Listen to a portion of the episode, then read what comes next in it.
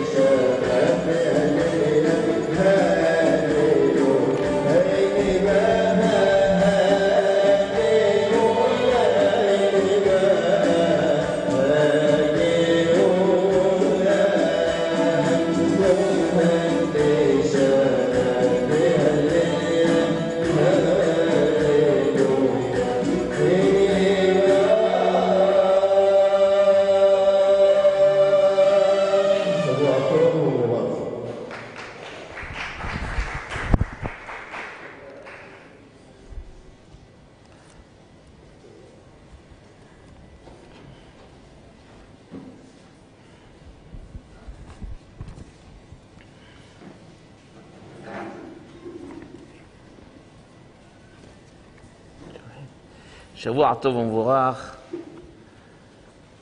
יישר כוח לרבי כפיר פרטוש. זו הזדמנות לומר לו מזל טוב לשבוע הזה, בעזרת שם יתברך, יום שני. מכניס את אה, בן לחופה, לחיים טובים, שעה טובה ומוצלחת, שזה בורא העולם בקניין, ישכים זה הבניין, ובן שמחי חייכם, זני רוויחי, אמן. ברשות מרן ראש הישיבה, מורנו ורבנו, הקדוש ברוך הוא ישלח דברו וירפאהו, יחלימהו במהרה, יחזקהו ויעמסהו, לאורך ימים ושנים טובות, בבריאות גוף הנפש, בריאות מעולה, שלא יזדקק לא לרופאים, לא לרפואות, בריאות איתנה מאיתו יתברך תמיד. כן מומחה שכתוב כל המחלה של שנת מצרים לא ישים עליך, כי אני אדוני רופאיך, כן יהי רצון ונאמר אמן. נאמר איזו מילה מהפרשה. פרשה שלנו, ואברהם זקן בא בימים, והשם ברך את אברהם בכל. אברהם אבינו עליו השלום, הוא הולך וטורח עבור בנו. הבן שלו לא היה ילד, הבן שלו היה כבר גדול, היה כבר בן 37, והוא טורח להשיא את בנו אישה. איפה יצחק נמצא? יצחק עסוק. מי שטורח להשיא אותו זה דווקא האבא שלו. והשם ברך את אברהם בכל, כותב רש"י, מה הקשר להמשך? אומר רש"י, בכל גמטריה בן. זה הקשר, והשם ברך את אברהם בכל, ברך אותו בבן, אז הוא דואג, ויום אברהם עודד זה כאן ביתו, דואג להשיא אותו אישה. לכאורה, למה צריך לכתוב בכל לעשות גימטריה בן? שהפסוק יאמר, והשם ברך את אברהם בבן. אלא התורה באה ללמד אותנו. הרבה פעמים אנשים חושבים על הכסף ועל הזהב, משקיעים בזה יום ולילה. כמה משקיעים בילדים? ברור, כל אחד יגיד לך שהבנים זה הכל, זה העיקר וכולי, אבל בתכלס, אם האדם היה משקיע בילדים שלו, מה שמשקיע בפרנסה שלו, אז סייעתא דשמיא יהיו הילדים הרבה יותר טובים. אומר התורה, והשם ביחד אברהם בכל, יש לך בן זה הכל, הכל מכל כל. יש תלמיד חכם אחד בנתיבות, קוראים לו רבי אשר חדד, שבריא, יחיים טובים. במוצאי שבת, שיר עמדים בחודש לחול, זרענו וכספנו ירבה כחול. הוא אומר, ירבה, ירבה, ירבה, ירבה כחול. פעם אבא שיחיה, שאל אותו, למה אתה אומר ירבה, ירבה? כתוב ירבה כחול, לא כתוב עשר פעמים. אמר לו, בנוהג שבעולם, אדם שיש לו בנים, הפרנסה אצלו זה לא כל כך פשוט. לפעמים קשיי, קשיים כלכליים. ואדם שיש לו עושר, יש הרבה פעמים שהעשירים אין להם בנים. כל כך הרבה עשירים יש שאין להם בנים. זה ממש נדיר. למצוא שיש לאדם גם זה וגם זה, זה השם יעזור. ולכן הוא אומר, אני מתפלל, זרעי וכספנו, ירבה ירבה שמהכל יהיה הרבה, גם הרבה ילדים וגם הרבה פרנסה, שיהיה לכל בשבע. למד אותנו הפסוק, והשם ביחד אברהם בכל תבין. יש לך ילד, כל קשיי הפרנסה מתגמדים מול זה שבורא העולם נותן לך, תתמקד בו, תהנה, תתענג, תתענג על הילד שלך. אני רוצה לספר איזה סיפור קטן שהוא הרבה הרבה, הרבה הרבה לקח להורים שלפעמים מתמודדים עם כל מיני אתגרים. מעשה שהיה, מעשה שהיה. אתם יודעים, הדור שלנו דור הכי קשה שיש. מבחינת חינוך ילדים, איך אמר פעם רבי ינחוי עליו שלום? פעם ילד לא יתנהג כמו שצריך, חטף מכות. לאיפה יש לברוח? לאבא שלו, יחטוף ממנו עוד מכות, למה הרב החטיף לך? שילד יצא לתרבות רעה, לפחות בארצות הספרדים, זה היה דבר שהוא קשה. אין לך לאיפה לברוח, כל הקהילה היו, היו ירא שמיים. וממילא זה היה מגביר את הילד להיות טוב יותר, וכולם היו במסילה. אבל בדור שלנו, תרביץ ילד, הוא הולך לרחוב. רחוב כל כך מפתה, כל כך קשה. ולכן האתגרים שיש בדור הזה, זה אתגרים נוראיים. והרבה הורים נופלים, נשברים, ומרגישים כל כך קשה באמת, אבל רואים שילד, הם לא מה שמצפים ממנו. ואין את הסבלנות ואת הכוח הנפשי לעמוד בפני ילד, כשהילד לא מקיים את מה שאתה מצפה ומה שאתה מבין ממנו. וזה כואב, וזה צורב, ואפילו מתקשים לעבוד בשכל. עובדים ברגש, והרגש הוא לא תמיד טוב, והרגש לפעמים הוא מגיב בהתפרצות ודברים ממש חמורים. אני רוצה לחזק את ההורים האלה ולומר מעשה שהיה. היה איזה הורה אחד שהתמודד עם איזה ילד כזה, איזה נער כזה, ויום אחד הנער הזה, יום חמישי בערב, אחרי איזו שיחה קשה עם אבא שלו, הוא אמר לאבא שלו שהוא החליט שהוא פורש מכל הדרך. זהו, חסל, זהו, זהו, סיים, אין כלום, נגמר. אבא פרץ בבכי, הבן התעלם ממנו, מה אתה חושב שאתה רוצה? זהו, החליט על סיום הדרך. נשבר האבא לרסיסים. טוב מותו מחייו.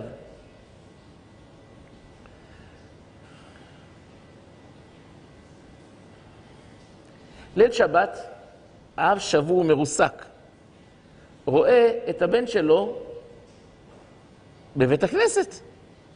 מה, הוא התבלבל? מה, הוא התחרט? לא יודע. היה סוף התפילה. לא יודע. אבא מגיע ויושב בשולחן שבת, הבן מצטרף. הוא אמר שהוא סיים את הדרך. יושב בקידוש, יושב בסעודה, שר שירי שבת, באמצע הסעודה קם, הלך הצידה קצת, קורא עיתונים, חזר חזרה לשולחן, בערך ברכת המזון עם כולם, והלך לישון. וואו, מה זה הדבר הזה? שר שירי שבת, אישה סעודת שבת, שמע קידוש. הוא פחד מהיין, נסך, אבל לא, יין מפוסטר, אין בעיה. למחרת, שחרית הוא מגיע לבית הכנסת, הבן לא נמצא, אבל הגיע קצת מאוחר, אבל הגיע. אבל הגיע. אה, כמו כל שבת שהיה רגיל להגיע מאוחר, אבל הגיע. שר קריאת התורה, לא יצא. איזה יופי. גמרו תפילה, באו הביתה סעודת שבת, עושה. סעודה שלישית, מנחה, כרגיל, הבדלה. מוצאי שבת, שעה, שעתיים אחרי ההבדלה שלו קורא לו לחדר. הוא אומר, אני רוצה להגיד לך, שבת כמו היום, השמחה שעשית לי, אתה לא מבין, אתה לא מבין מה שעשית לי. העיף עליו ברכות. אומר לו, רק שתבין, איזו התרגשות. אני פתאום רואה אותך בליל שבת בית הכנסת, לא האמנתי, אמרתי, אני מדמיין. התקרבתי לראות שזה אתה, לא מאמין, זה אתה. שבת יושב איתם בסעודה, בקידוש, שר שירי שבת. אני אומר דברי תורה, אתה מקשיב. אתה מברך ברכת המזון, לא מאמין. אני מסתכל, והיא מסתכלת, בדמעות של אושר, בדמעות של אושר. הבוקר איתך גם הגעת לתורה, ולספר תורה, אני לא מאמין. וסעודת שבת, סעודה שלישית, והבדלה. אתה לא מבין מה זה יום חמישי, הייתי שבור כולי. והנה היום, השתבח שמו לעד, מי מאמין? מי מאמין? זהו, החלטת, אתה חוזר לדרך? אומר, לא חוזר בכלום. לא חוזר בכלום, נשאר באותה עמדה. אומר לו, מה נשאר באותה עמדה? אבל אמרת שאתה פורש. אז איך זה אתה, ברוך השם הכל? אומר לו, אבא, תגיד לי, שבת שעברה לא הייתי בתפילה בבית הכנסת? הייתי. שבת שעברה לא הייתי בקידוש? הייתי. שבת שעברה לא הייתי בשחרית? הייתי. ברכת המזון בירכתי שנה שעברה? בירכתי. אז עשיתי. אז למה שבת שעברה דמעות, ואני רשע, ואני רע, ואני לא בסדר? והשבת דמעות של אושר, וואו, איך ריגשתי אותך? למה שבת שעברה לא ריגשתי אותך? איפה שבת שעברה היית? לא עשיתי הכל. למה אני רשע? למה אני רע? למה? רבותיי, מעשה שנוקב ויורד עד התהום. אנחנו מצפים מהילדים שלנו ליותר, וככה צריך להיות. לצפות ליותר, לחכות ליותר, להתפלל ליותר, אבל עם סבלנות.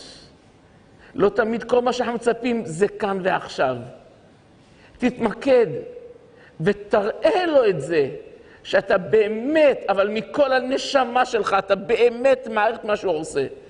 אתה מעריך שהוא מתאמץ, אתה מעריך שקשה לו, שקשה לו והוא נלחם, והוא נלחם והוא עושה את מה שהוא עושה.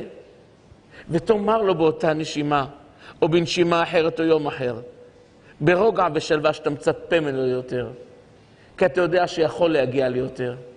אבל מתוך הערכה אמיתית, שאתה מעריך, לא רק מעריך מה שהוא יכול להגיע, זה לא חוכמה. אתה מעריך את גם מה שהוא עושה כרגע, באמת להעריך. והשם ברך את אברהם בכל, בכל זה בן, תשקיע בבן שלך את כל הכוחות, כל הנפש. בן שלך זה כל החיים שלך. בן שלך זה כל החיים שלך.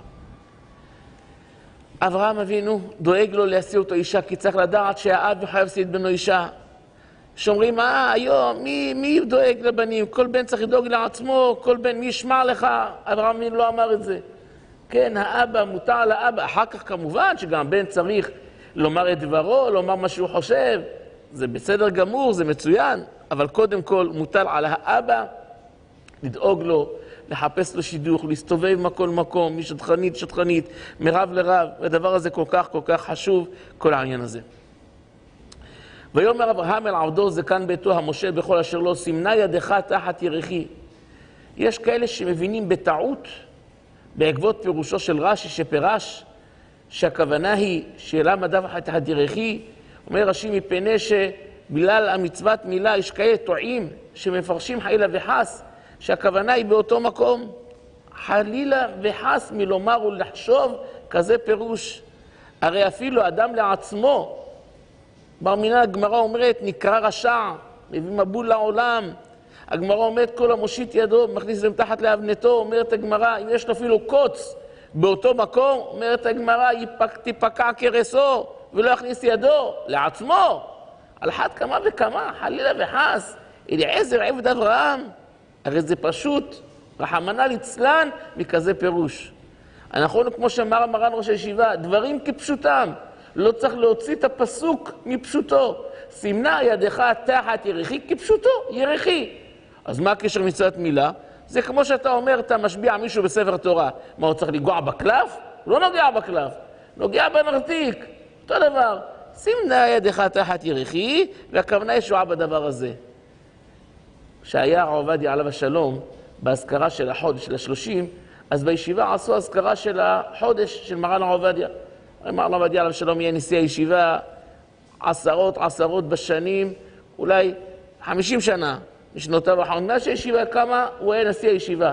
הוא אפילו יצא להסתובב, לאסוף כסף מחוץ לארץ עבור הישיבה. כמובן שהוא לא לקח פרוטה. יצא לבדו, לא התלווה לאיזה דינר, לא, לא, הוא לבדו. בישיבה שילמו לו כרטיס והוא נסע לחוץ לארץ על פתחי נדיבים להביא כסף לישיבה. כאילו שלוחה דה רבנן של הישיבה, ממש ככה, זה לא יאומן כי יסובר, לא יודע אם עשה עוד דבר כזה ישיבה אחרת. כל כך היה רוח אפו ונשמתו, זה הישיבה שלנו. היה בשנים עברו, כשהיה עוד צעיר, היה כמעט כל חודש מוסר שיעור בישיבה. זה רוח אפו ונשמתו, זו הייתה ישיבה. אז כשמרן עובדיה על שלום נפטר, מלאת 30 יום לפטירתו, עשו אזכרה בישיבה. ושמה סיפר הנכד שלו מעשה מדהים. הוא אומר, בשנים האחרונות שלו, הוא חלה מאוד ולא יכול היה לזוז, היה לו כאבים תופת בגב שלו. הביאו כמה רופאים, עשו צילומים. לקחו אותו אחר כך לאיזה רופא אחד, ושמה הרופא אמר שהוא צריך אה, לבדוק לו איזו בדיקה פנימית, ביקש שכולם יצאו. יצאו, אחרי הבדיקה נכנסו פנימה, אומר, מה אתם מדברים? כמו שחשדתי, בכלל זה לא בחצי גוף העליון בכלל. יש למטה מוגלה גדולה מאוד, וזה מה שגרם לכל החלק הגוף העליון ממש להיות כמעט שונאי ישראל משותקים. אז ש... אומר את הרב, למה לא אמרת לנו? אומר, גם אני לא ידעתי.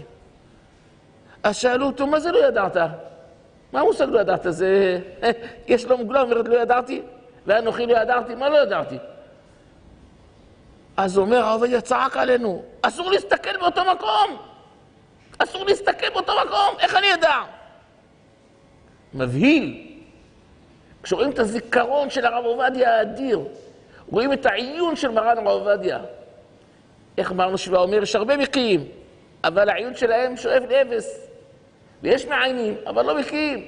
מרן עובדיה שלום, יוסיף בקיאות, יוסיף עיון. ראשי תיבות יביע עומר, ככה אומר שבעה. יביע, יוסיף בקיאות, יוסיף עיון. מדהים השכל הישר שלו. אין כמותו, אין דוגמתו. מרן עובדיה עליו השלום, מתפעלים, איך? איך? כאשר זה דף של ספר תורה, דף חלק, קודש קדשים, בטח שיהיה לו זיכרון חזק כזה.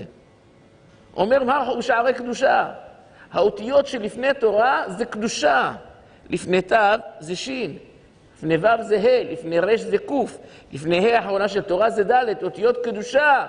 יש קדושה, יש תורה, מה פלא? מה פלא שמגיעים כאלה דרגות? לכן סימנה תחת ירחי, הכוונה כפשוטו, תחת ירחי. חלילה וחס מלפרש דברים אחרים. אומר אברהם אבינו וישביעך בהשם אלוקי השמיים ואלוקי הארץ אשר לא תקרח אישה לבנים בנות הכנעני אשר אנוכי יושב בקרבו. כל אחד מתפלא, יש כאן כפל לשון. בנות הכנעני אשר אנוכי יושב בקרבו. אתה אמרת בנות הכנעני, אברהם יושב בארץ כנען, ודאי זה אשר אנוכי יושב בקרבו. נראה לפרש. אברהם אבינו עליו שלום לא רצה בנות הכנעני. אבל בארץ כנען יש גם כאלה שבאו מאומות אחרות ונמצאים שם.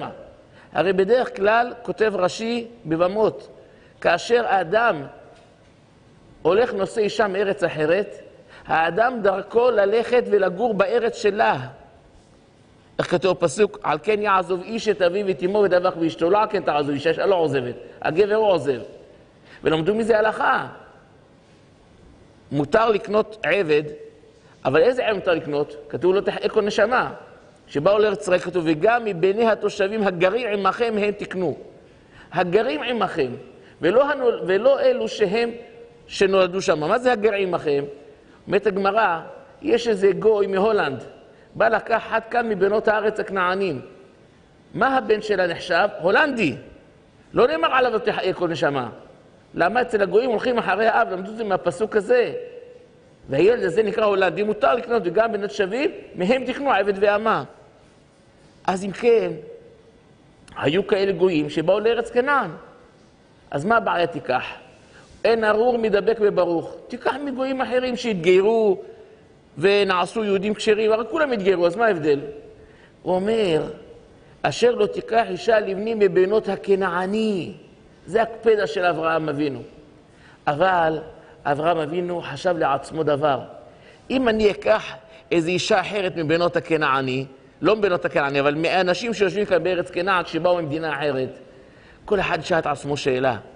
כולם מדברים בשקט, כולם מדברים בנייס.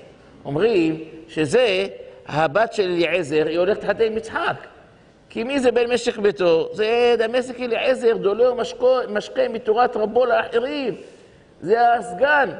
זה מתחתיו, זה הגדול בתורה. בוודאי שהבת שלו הולכת להיות בן של אברהם אבינו. אם הוא לא ייקח אותה, איזה בושות יהיה לאליעזר. מה יגידו על הדבר הזה?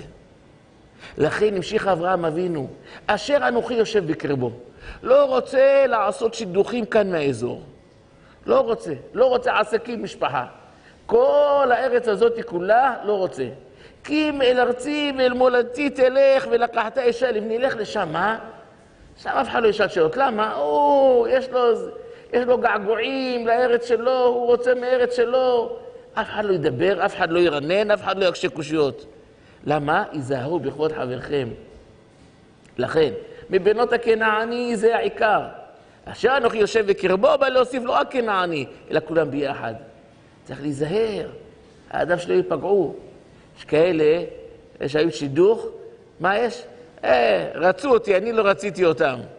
לא, תיזהר.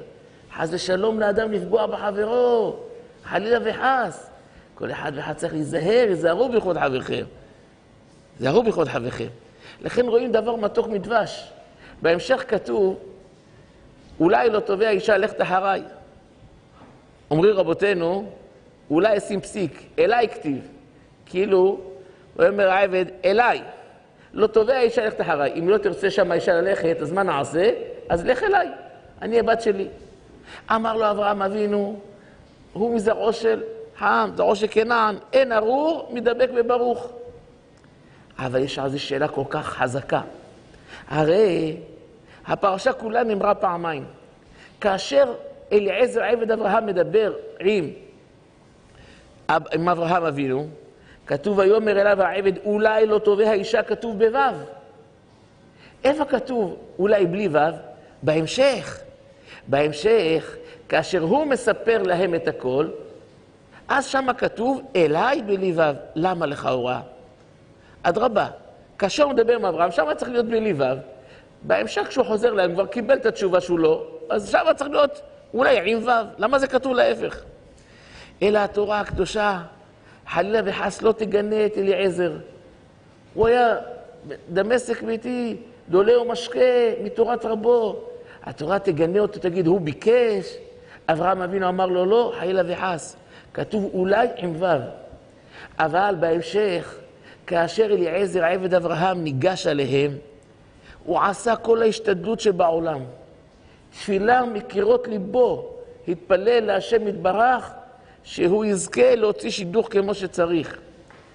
בתוך השידוך, את הכל ניהל משא ומתן בחוכמה ובתבונה ובדעת.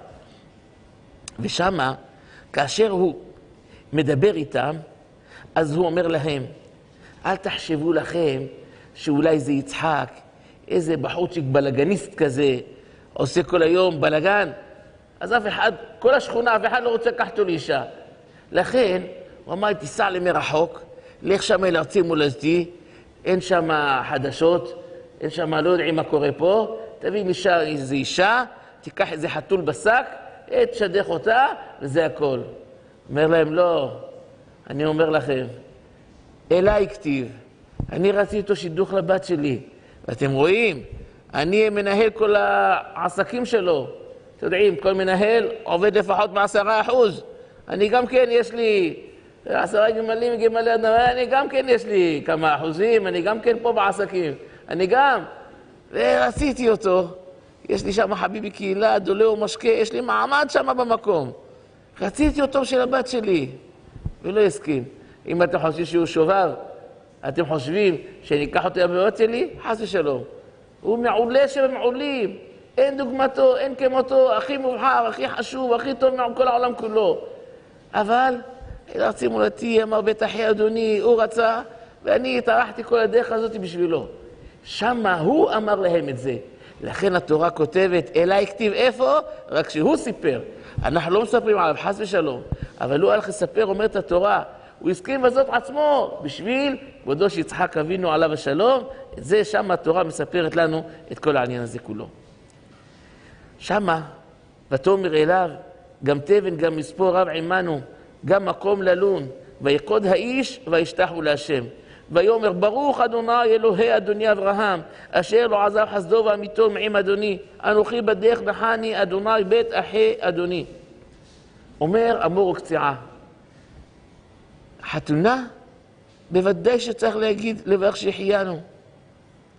הוא אומר, נראה לי אפילו על קשרי שידוכין. סגרו וורט, תעשה שהחיינו. למה? הוא אומר, תסתכל פה. הוא אומר, הוא עדיין לא סגר איתה. שאלת בסך הכל בת מי את? אמרה לו, בת בתואל אנוכי, בן מלכה, אשר עדיין נחור, התרגש, ויקוד האיש, ברוך השם, אמר זהו, בטוח בעזרת שם יצא שידוך. עוד לא שאלת, עוד לא אמרו כלום, ברוך המונה אלוקי... כבר בירך. אחת כמה וכמה, יושבים ברוך השם, סוגרים וורט, סגרת, אה, ודאי שצריך לברך שהחיינו. ככה דעת אמור קציעה. אומר מרן החידה עליו השלום, אתה רוצה לברך שהחיינו? בלי שם מלכות. עד לברך שם מלכות. עד לברך שם מלכות. לאחר המעשה, הפוסקים כותבים שגם בליל החופה, כותב השח, לא יברך בשם מלכות. כך כותב שם הריקולון, אומר לא יברך בשם מלכות. למרות שבדרך כלל המצווה מברכים בשם מלכות, הוא אומר, אדם לא יברך. למה? מה הטעם? כל מצווה שהיא עצמה בפני עצמה לא מצווה, אלא היא רק הכשר מצווה, אז לא מברכים. תכלית היא של הנישואין, זה פירו ורבו. אז עכשיו זה רק הכשר מצווה, ולכן לא, לא מברכים. אבל לפי דעת הרב מור קציעה, מברכים שהחיינו. הלכה למעשה, איך אנחנו נוהגים? מביאים טלית ומברכים עליה שהחיינו, ומכוונים גם על הכלה. אמר איזה אחד ששאל אותי לפני כמה שנים, אומר לי, ראיתי את האבא שלך, מור אבי שיחי הגאון הרב צמח, היה בחופה ואמר לחתן, תברך על הטלית שהחיינו, ותברך על הכלה ועל רהיטים ועל כל טוב השם. מה? מברכים על הטלית שהחיינו, מכוונים על הכלה? כלה עיקר, תברך על הכלה שהחיינו, תברך על כוון על הטלית. מה זה הפוך? מה זה עני למעלה, תחתיני למטה, איך זה? מה, מה, מה זה הדבר הזה? עני למטה, תחתיני למעלה? מה זה, מה פתאום, איך זה דבר כזה? איך אתה עושה? הסברתי לו. מפני שעל הכלה, נכון, צריך לברך. אבל כיוון שזה רק הכנה למצווה, יש דעות, מכוונים, לא מכוונים. לכן מחמת הספק, אז ככה כותב סר נער מצרים, שער מפקד, כותב ואומר שמביאים כך אומר מנהג מצרים, מנהג ישראל, מביאים טלית ומברכים עליה שהחיינו, ומכוונים בזה גם על הקלה כדי לצאת ידי חובת כל הפוסקים כולם.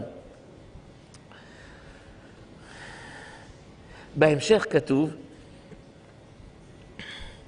כאשר הביאו לפניהם את כל המתנות, את כל העניינים, אחרי שהוא דיבר איתם, ויהי כאשר שמע עבד אברהם מדבריהם, וישתחו ארצה להשם.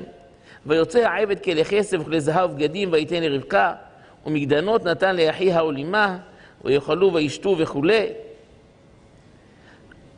ואז הם מברכים אותה. ויברכו את רבקה, ויאמרו לה, אחותנו את היי לאלפי רבבה. יש כאן שאלה. ויברכו את רבקה ויאמרו לה, ויברכו את רבקה, אחותנו תהי לאלפי רבבה. מה זה ויברכו את רבקה ויאמרו לה?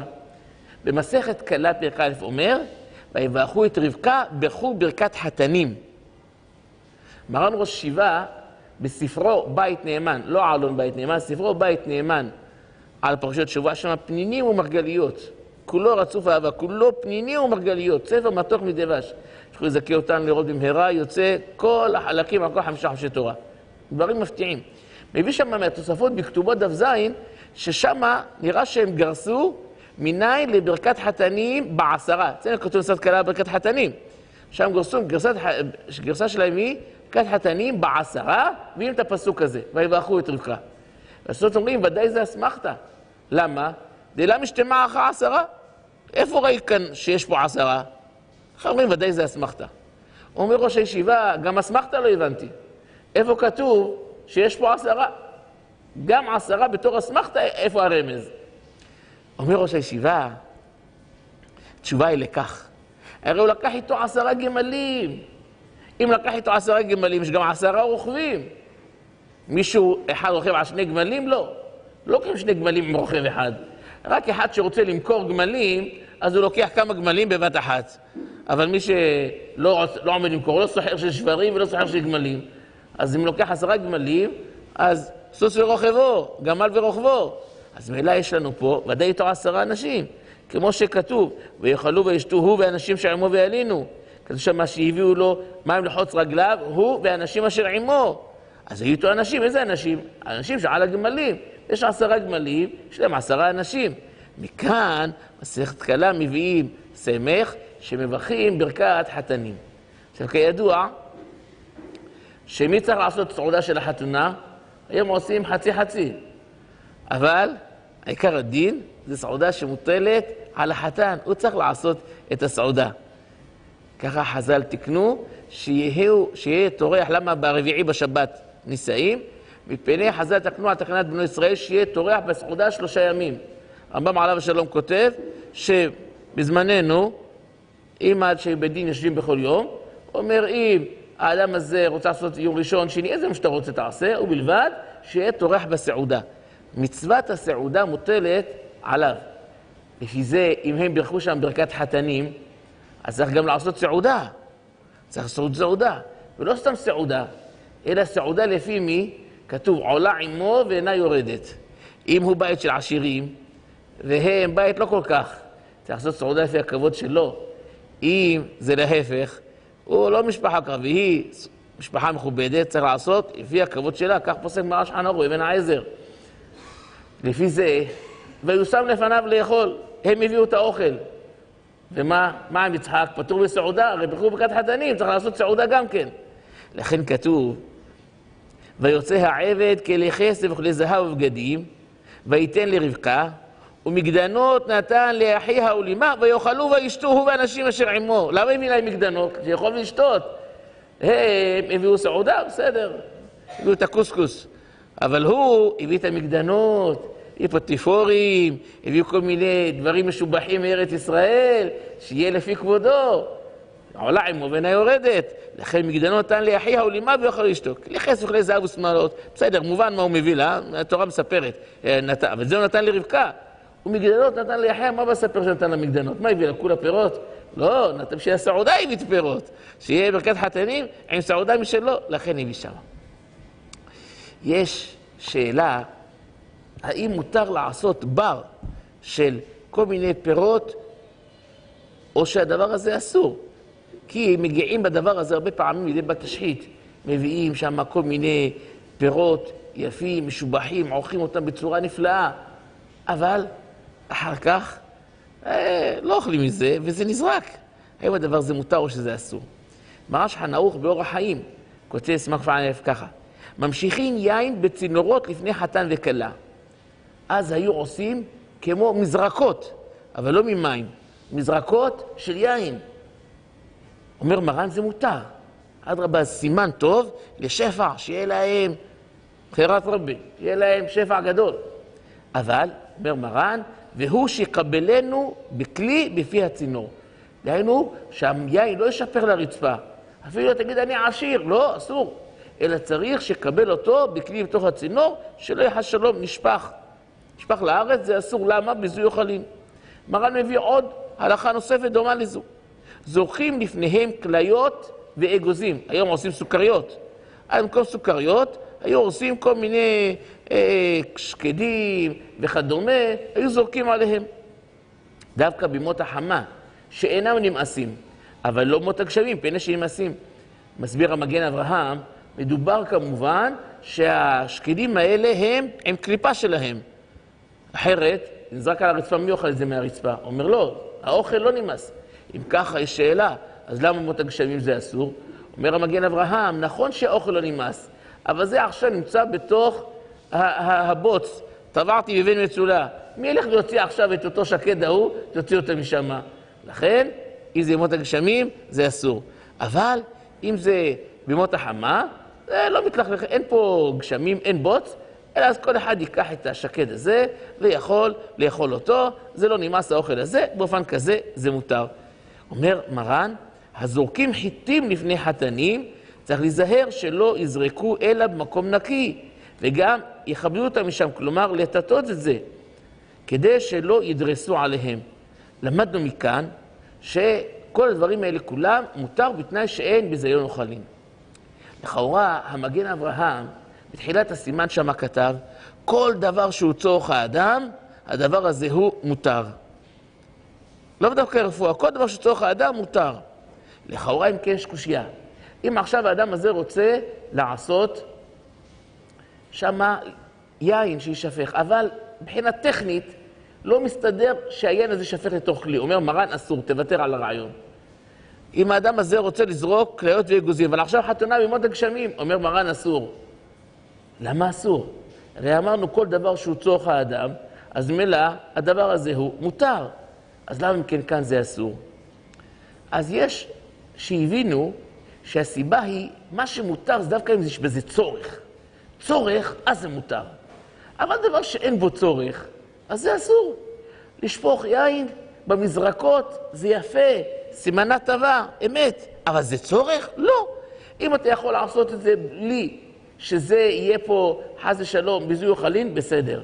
אבל אם הדבר הזה יכול לגרום ביזיון אוכלין, חלילה וחס, הדבר הזה אסור לאדם לעשות אותו.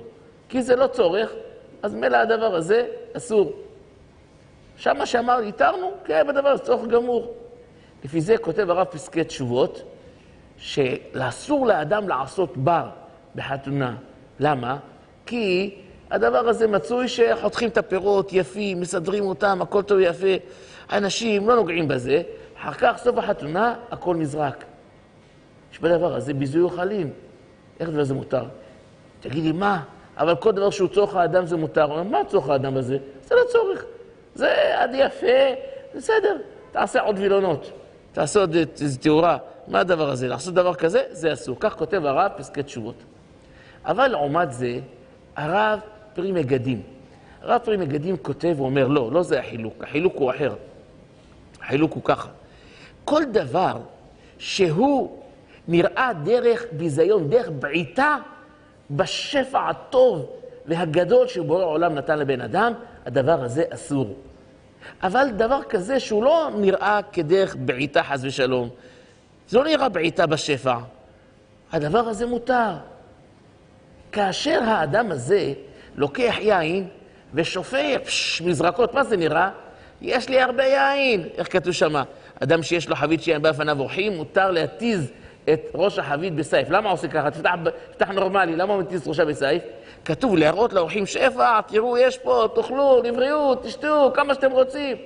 אדם עושה יד במזרקות, רוצה להראות, יש שפע, זורקים סוכריות, לא מגישים באיזה צלחת, לא, יש, זורקים, הכל. יפה מאוד. אם אין בזה ביזוי אוכלים, בסדר. אם יש, זה נראה מבעט בטובתו של מקום, רק אז זה אסור. אבל אם הדבר הזה לא נראה מבעט בטובתו, לא מבעט בשפע שבורא עולם נתן, אומר הרב, הנה חינמי, הדבר הזה הוא מותר, כך כותב הרב פרי מגדים. לפי זה, כשאדם עושה בר, האם זה נראה מבעט בטובתו של מקום? ממש להפך. ממש להפך.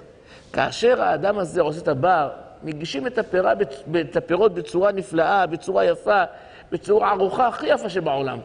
אלא מה? אנשים בתחילה לא נוגעים בזה כדי שלא לקלקל את הסדר ואת היופי. בסוף, יש באמת שכבר לקראת סוף החתונה, אתה רואה אותם לוקחים קצת אוכלים, ומוכרח שלא יגמרו את הכל, בסוף חלק מזה יזרק. אבל זה דבר שבא ממילא מה שנשאר ונזרק. זה לא דבר שנראה שכביכול האדם לוקח את השפע וזורק אותו ובועט אותו חלילה ועס. לפיכך, לפי דברי הפרי מגדים, הדבר הזה מותר. בדברי הפרי מגדים, עיקר להלכה. כמו שכתב גם כן הרב לבוש, ככה כותב אותה סברה שלו, ובספר מחקרי ארץ, שיהיה בריא, הוא העריך בתשובה בדבר הזה, שעיקר כדעתו של הרב פרי מגדים. ידוע שהרב, רב משה שטוג עליו שלום, היה הרב ראשי טוס, היה גאון עולם היה, הוא כותב שאנו פוסקים שאם הם מקילים, אנחנו תופסים כמותם אפילו נגד כמה וכמה שהחמירו. אחד מהם פרי מגדים. הוא אומר כי דרכו לחפש חומרה מכל צדדים וצידי צדדים. אם הוא כותב להקל, אתה יכול לסמוך עליו חזק. בפרט כאן, שאדרבה הוא לא יחיד. כמה וכמה וכמה תופסים כמותו. ולכן, מי שרוצה לעשות בר, בהחלט יכול לעשות בר. כמובן, אם אפשר בסוף לחלק את הפירות, שלא ייזרק שום דבר מותר, אבל גם אם קרה איזה משהו, הדבר הזה הוא, אין בדבר הזה איסור, מפני שבאמת אנשים, איך אומרים, לא עושים את זה חלילה וחס בשביל לבזבז את הדברים האלה, ולכן הדבר הזה מותר. כללית, צריך לדעת שלהשתדל האדם לא לבזבז הרבה כספים של החתונה. יש כאלה הרבה עושים ממש בזבוזים גדולים, ואדם, צריך לדעת, יש גמרא מסכת שבת אומרת שם, אמר רב חסדה, אדם שיכול לאכול לחם של שעורים, שהוא זול, ואוכל לחם של חיטים, אומרת הגמרא זה בל תשחית. אדם שיכול לשתות שיכר, במקום זה שותה יין, אומרת הגמרא זה בל תשחית. אומרת הגמרא הלכה לא ככה. למה? אומרת הגמרא, בת שחית גופה עדיף. יין בריא יותר משיכר, חיטים בריא יותר משעורים, לכן תאכל תהנה. הרב פפר אומר אותו דבר לגבי היין, והלכה ככה גם כן. המאירי עליו השלום אומר שמה כך, אומר לעולם מתנהג אדם במידה בינונית ויצמצם בהוצאתו כפי עניינו, כלומר לפי היכולת שלו. אם הוא עני, ישתדל לעשות דברים שמהם יבוא להסדר הסדר בהוצאה. כלומר, מצב כזה שיוכל לכלכל את צעדיו, שלא יהיה לו פתאום איזה הפסדים. אם הוא עשיר, להפך, אל יפחית עצמו בצמצום המאכל, אלא בכדי הראוי, לא יתנהג בקמצנות, לפי המעמד שלו. ואז הוא מביא את האמרה הבאה בגמרא. יש אמרה בגמרא שמה, אמר רב חזה, מעולם לא אכלתי ירקות. כשהייתי עני לא אכלתי ירקות, כי אמרתי, ירקות מושכים, גוררים את התיאבון, ואיפה יש לי עוד לחם? כשהייתי עשיר אמרתי, אני צריך לסבוע. או מלחם או משהו אחר. אם אני אוכל ירקות, אז אני אסבע מירקות והלחם, ולא אוכל בשר ודגים. עד אליעול ירקה, אליעול בשרה וכברה. במקום שאני אוכל ירקות ולחם, אני אוכל בשר ודגים. אומר, זה, זה מה שבא ללמד אותנו רב חסדא, תדע לך מה לאכול, שעדיף לך לאכול איזה... מה, מה, לא מובן. אין אמרו בזה פירושים. אמיר עליו שלום שבת קופים שם, הוא כותב ואומר, דרך צחות אמרו. לפעמים חז"ל לומדים אותך דברים, לא הכל ב... אני אגיד לך ככה בצורה של משל, של בדיחה, של הומור. דרך צחות אמרו, אמר חז"ל, כשהייתי עני ועשיר מעולם לא אכלתי ירקות. למה? כמו שאמרנו, בגלל שהוא פותח את התיאבון וכולי. אומר, כל זה משל למה? שהאדם ילמד תמיד לכלכל כל צעדיו במשפט, שלא לבזבז הרבה ולא להפסיד הרבה. והוא המשיך, גם את הגמרא שאמרנו על בת השחית, הוא מסביר שלא כמה דברים כפשוטן. גם כשהגמרא על שחית אומר, דרך הערה אמרו. הוא אומר, זה הכוונה, כלומר, באו להעיר את תשומת ליבנו, שכל זה לא להלכה, אלא הכוונה היא שאדם ישים לב לעצמו, שלא יבזבז את כספו. ברבנו יונה, בשערי תשובה, הוא כותב דבר מדהים. הוא אומר, כתוב בתורה, סוף פרשת שופטים, לא תשחית את העצה לנדוח עליו גרזן. אומר, הוזהרנו בזה שלא לכרות עץ מאכל, וכן, הוזהרנו בזה שלא לפזר לריק אפילו שווה פרוטה. שלא לבזבז לריק אפילו שווה פרוטה. ככה כותב הרב עליו השלום, ספר החינוך. גם ספר חרדים כותב ככה שאסור לבזבז כסף. רבי ישראל סלנטר אומר, מה זה קימוץ? שלא להוציא פרוטה שלא לצורך. כלומר, מותר לאדם לבזבז קצת כסף בחתונה, אבל שהאדם לא ישתגע, לא יבזבז. העיקר, בשביל לילה אחד הוא הוציא הוצאות, ואחר כך יחפש בו, ייקח לו כמה וכמה עדה ועדי יפלג עידן, שיכסו את ההוצאות שלו. לכל דבר צריך האדם לעשות את זה בחוכמה ובתבונה ובדעת. שאלו אה, איזה אחד, שברוך השם עומד להתחתן, במשפחה של הכלה יש להם מנהג. עושים, מפריחים אחרי החתונה תכף יונים לבנות. חשבתי פעם שעושים אותם בשוק, לא, מוכרים אותם. מוכרים אותם, עומדים איזה כלובים כאלו, ומחרי החופה, איך שגומרים, פותחים את הכלובים, וכל היונות הלבנות עפות לשמיים. מי הולך לאסוף אותם? אחד לא אוסף אותם, מפסידים. זה עולה כמה אלפים. הוא אומר, מה פתאום, אני לא אעשה את זה. היא אמרה, לא, אצלנו כולם בבית, כל החיות שלי, כל מיני שכולם עושים, אנחנו כולם עושים, בשבילי פתאום אתה לא תעשה. אז אה, למה, מה הקשר יונים ובנים? לא, זוג יונים. סימן ברכה, עושים כל מיני סימנים של ראש שנה זה סימן טוב גם כן. יונים ובנים, שיהיו כמו זוג יונים. אז מה הדבר הזה? אם כולם אצלם במשפחה ככה נוהגים לעשות, אז יש לנו כלל, עולה עמו ואינה יורדת. אז מסבירים המפרשים. שאם הם רגילים לעשות סעודות של החתונה ותוצאות של החתונה בצורה מסוימת, אם היא לא מסכימה, עליך להשתוות למעמד שלה ולעשות כמותם. אף על פי כן, כותב הרב באר היטב שמה, שאם זה מבזבזים כסף לריק, אז לא. אם זה ממש בזבוז, איך אומרים בערבית של שמטה, ככה זורקים כסף, זה לא, לא אין דבר כזה. אבל בעיקרון, כאשר האדם יש לו איזה דברים שככה מקובל, הרבה מקומות עושים, יש בזה סיבה, יש בזה היגיון, יש בזה איזה עניין מסוים, הנה חיימי ישר בהחלט לעשות דבר הזה. אם ככה מקובל אצלה, לא צריך להוריד מהכבוד שלה, ואפשר בהחלט לעשות את זה. נוהגים אצלנו, גם כן, שבין. לאחר הקידושין וכולי, הרב מברך את החתן. מניח ידו עליו ואומר ברכה מיוחדת לחתן, סוסיס בהשם וכולי. המנהג הזה, חושבים שזה רק מנהג שלנו.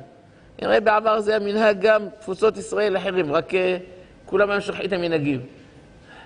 הרב תורה תמימה, פרשת נשוא, כותב שם במפורש שכנהוג לברך את החתן ברכת חתנים, והוא מביא שמה שלכאורה, האם יש בזה בעיה לברך בשתי הידיים את החתן, נשיאות כפיים, עכשיו אתה, מה אתה, עכשיו זה לא תפילה, מה פתאום עושים פה נשיאות כפיים? אז הוא דן בדבר הזה. והוא מעיד, אומר, שמעתי נאמנה מאחד שאמר שהגאון מווילנה עליו השלום בירך את המורה צדק, את הרב של וילנה, שאז היה בחתונה שלו, הגאון רבי יוסף חיים לנדו, מוץ די וילנה, שאז כאשר הוא היה בחור והתחתן, הגאון מווילנה בירך אותו ביד אחת בלבד, שם על ראשו, לא שם על ראשו שתי ידיים, שם על ראשו יד אחת בלבד. ושאלו אותו, למה אתה לא מברך אותו בשתי ידיים, כמו שכולם עושים? אמר לו, ברכה שתי ידיים, זה במקדש. יישא ארות ידיים לעם ויברכם. אבל ככה, רק יד אחת, לא מברכים שתי ידיים. אז המנהג הזה שמברכים את החתן באמצע החופה שמה, זה מנהג שכנראה חוצה גבולות. אבל מקומות אחרים לא שמרו עליו. ברוך השם, בישיבה שלנו ממשיכים הלאה לשמור את המנהגים, וגם את המנהג הזה, גם כן שומרים אותו טוב כמו שצריך. ככה ראוי לאדם לעשות, לשמר מנהג אבותינו, מברכים את החתן ברכות. נאמר עוד משהו.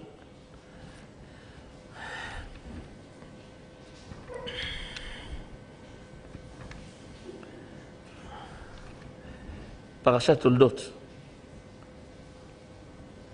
אומר מרן ראש הישיבה, שכאשר החתן מקבל מעשר, מקבל כספים, מתנות, צריך לתת מעשרות. ככה אומר מרן ראש הישיבה.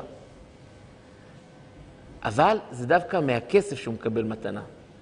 אבל אם החתן הזה מקבל מוצרים, לא צריך לתת מעשרות.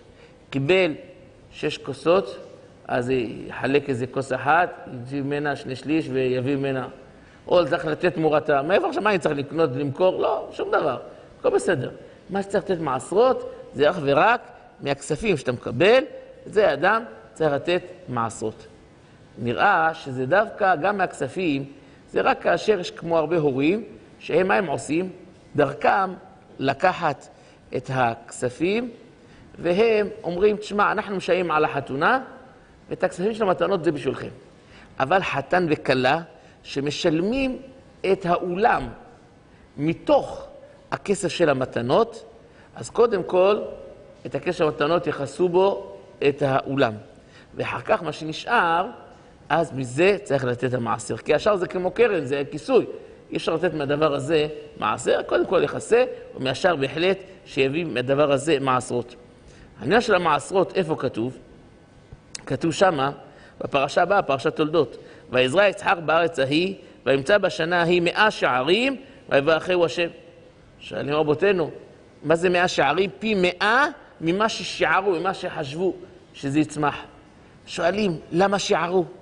למה תכננו? מה שהקדוש נותן זה הכל ברכה שלא היה דבר סום מן העין.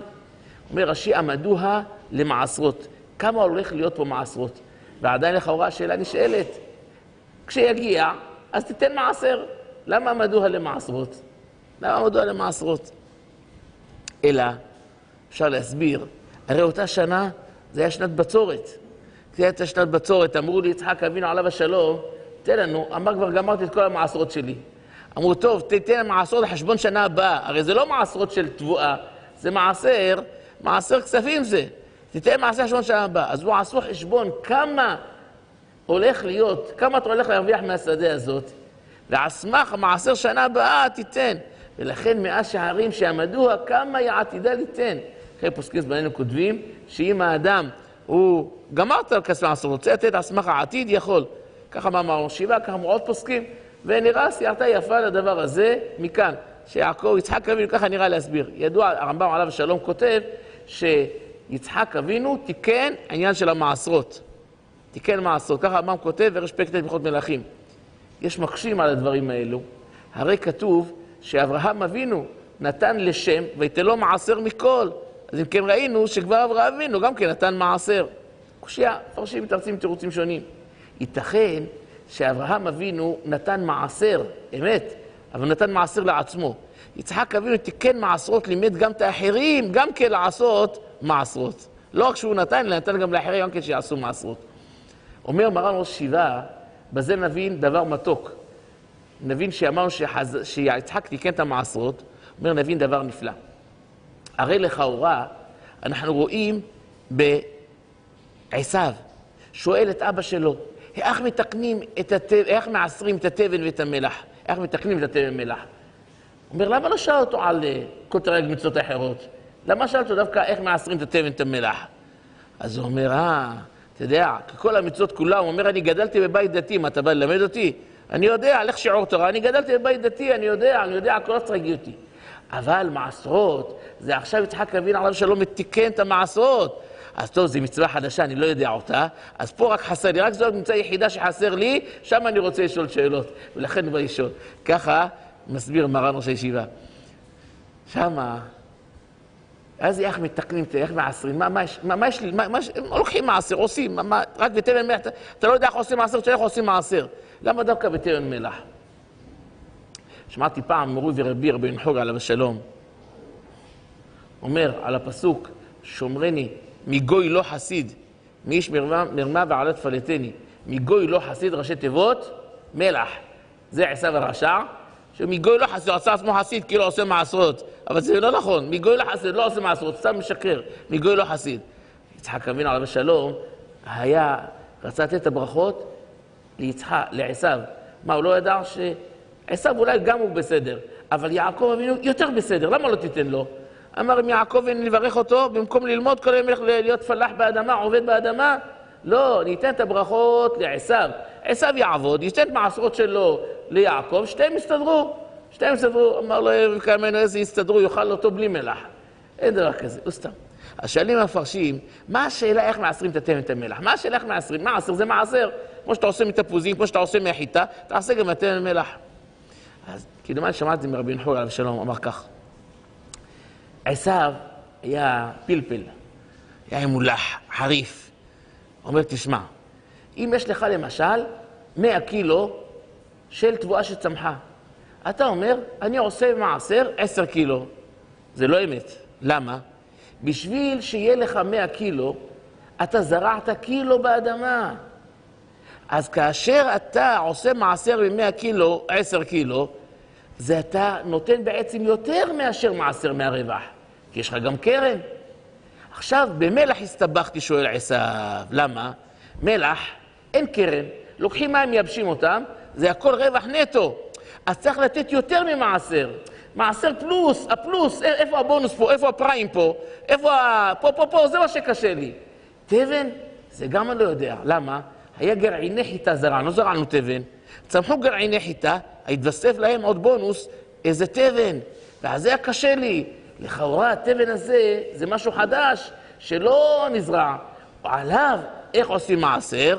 זה הקושייה שהייתה לו, איך מתעשרים את התבן מלח? זה לא מעשר רגיל, זה מעשר מיוחד. איך עושים על הדבר כזה מעשר?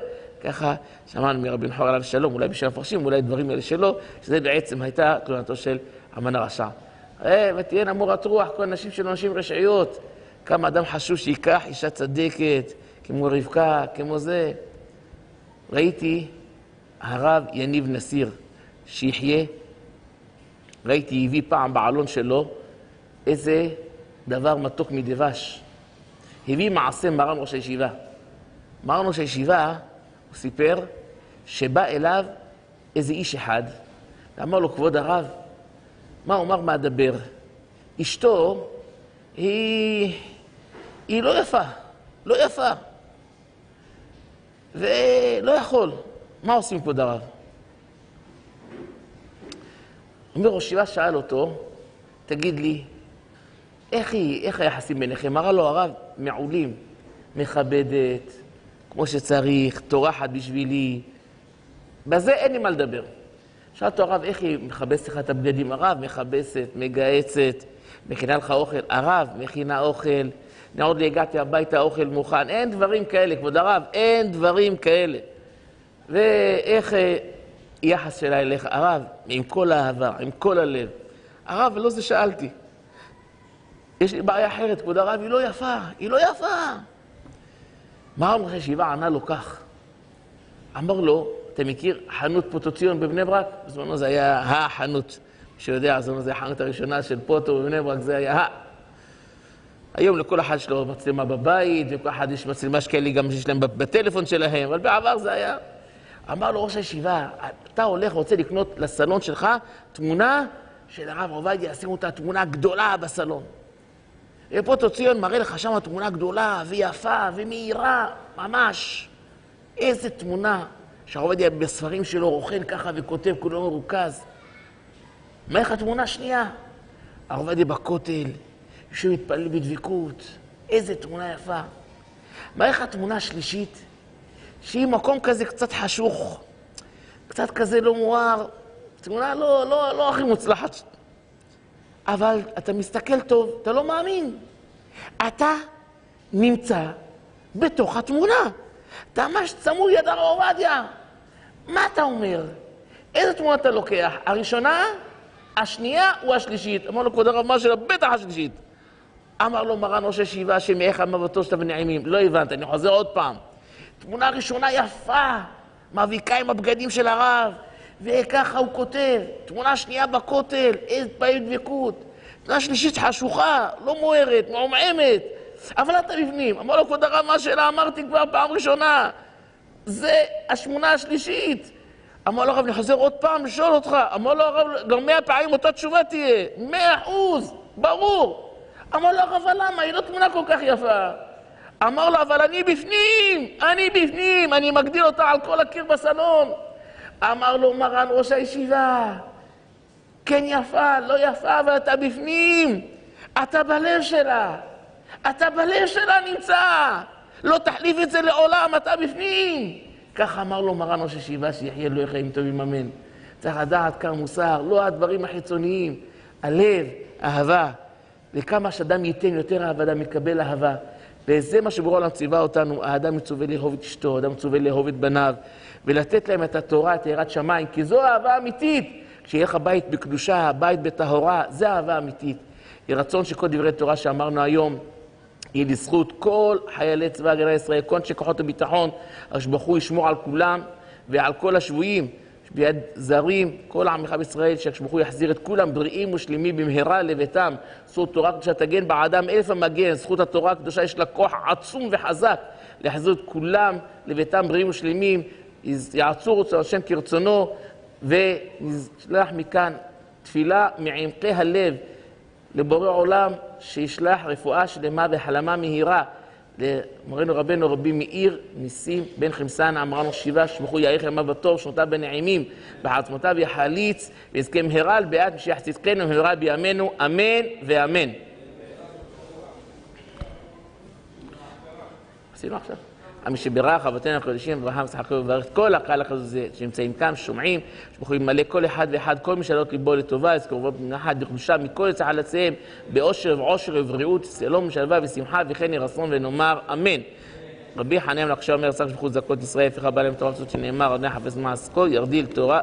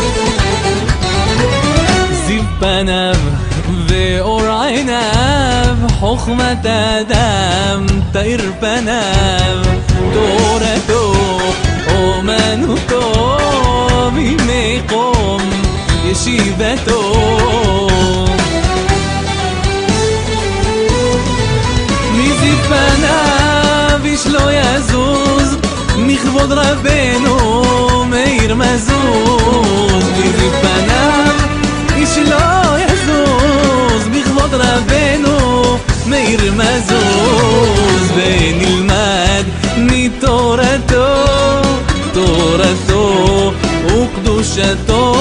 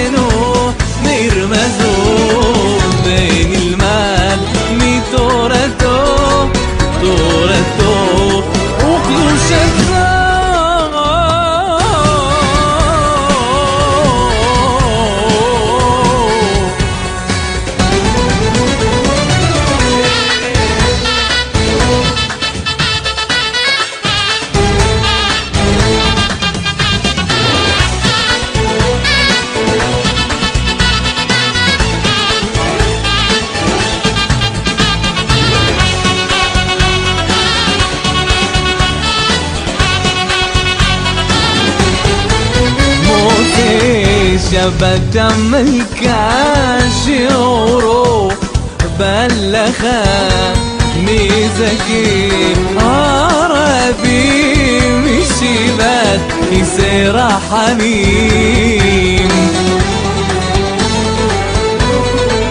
نزيد فنا مش لو يزوز مخبض ربينو مير مزوز. نزيد فنا لا لا لا لا. calavero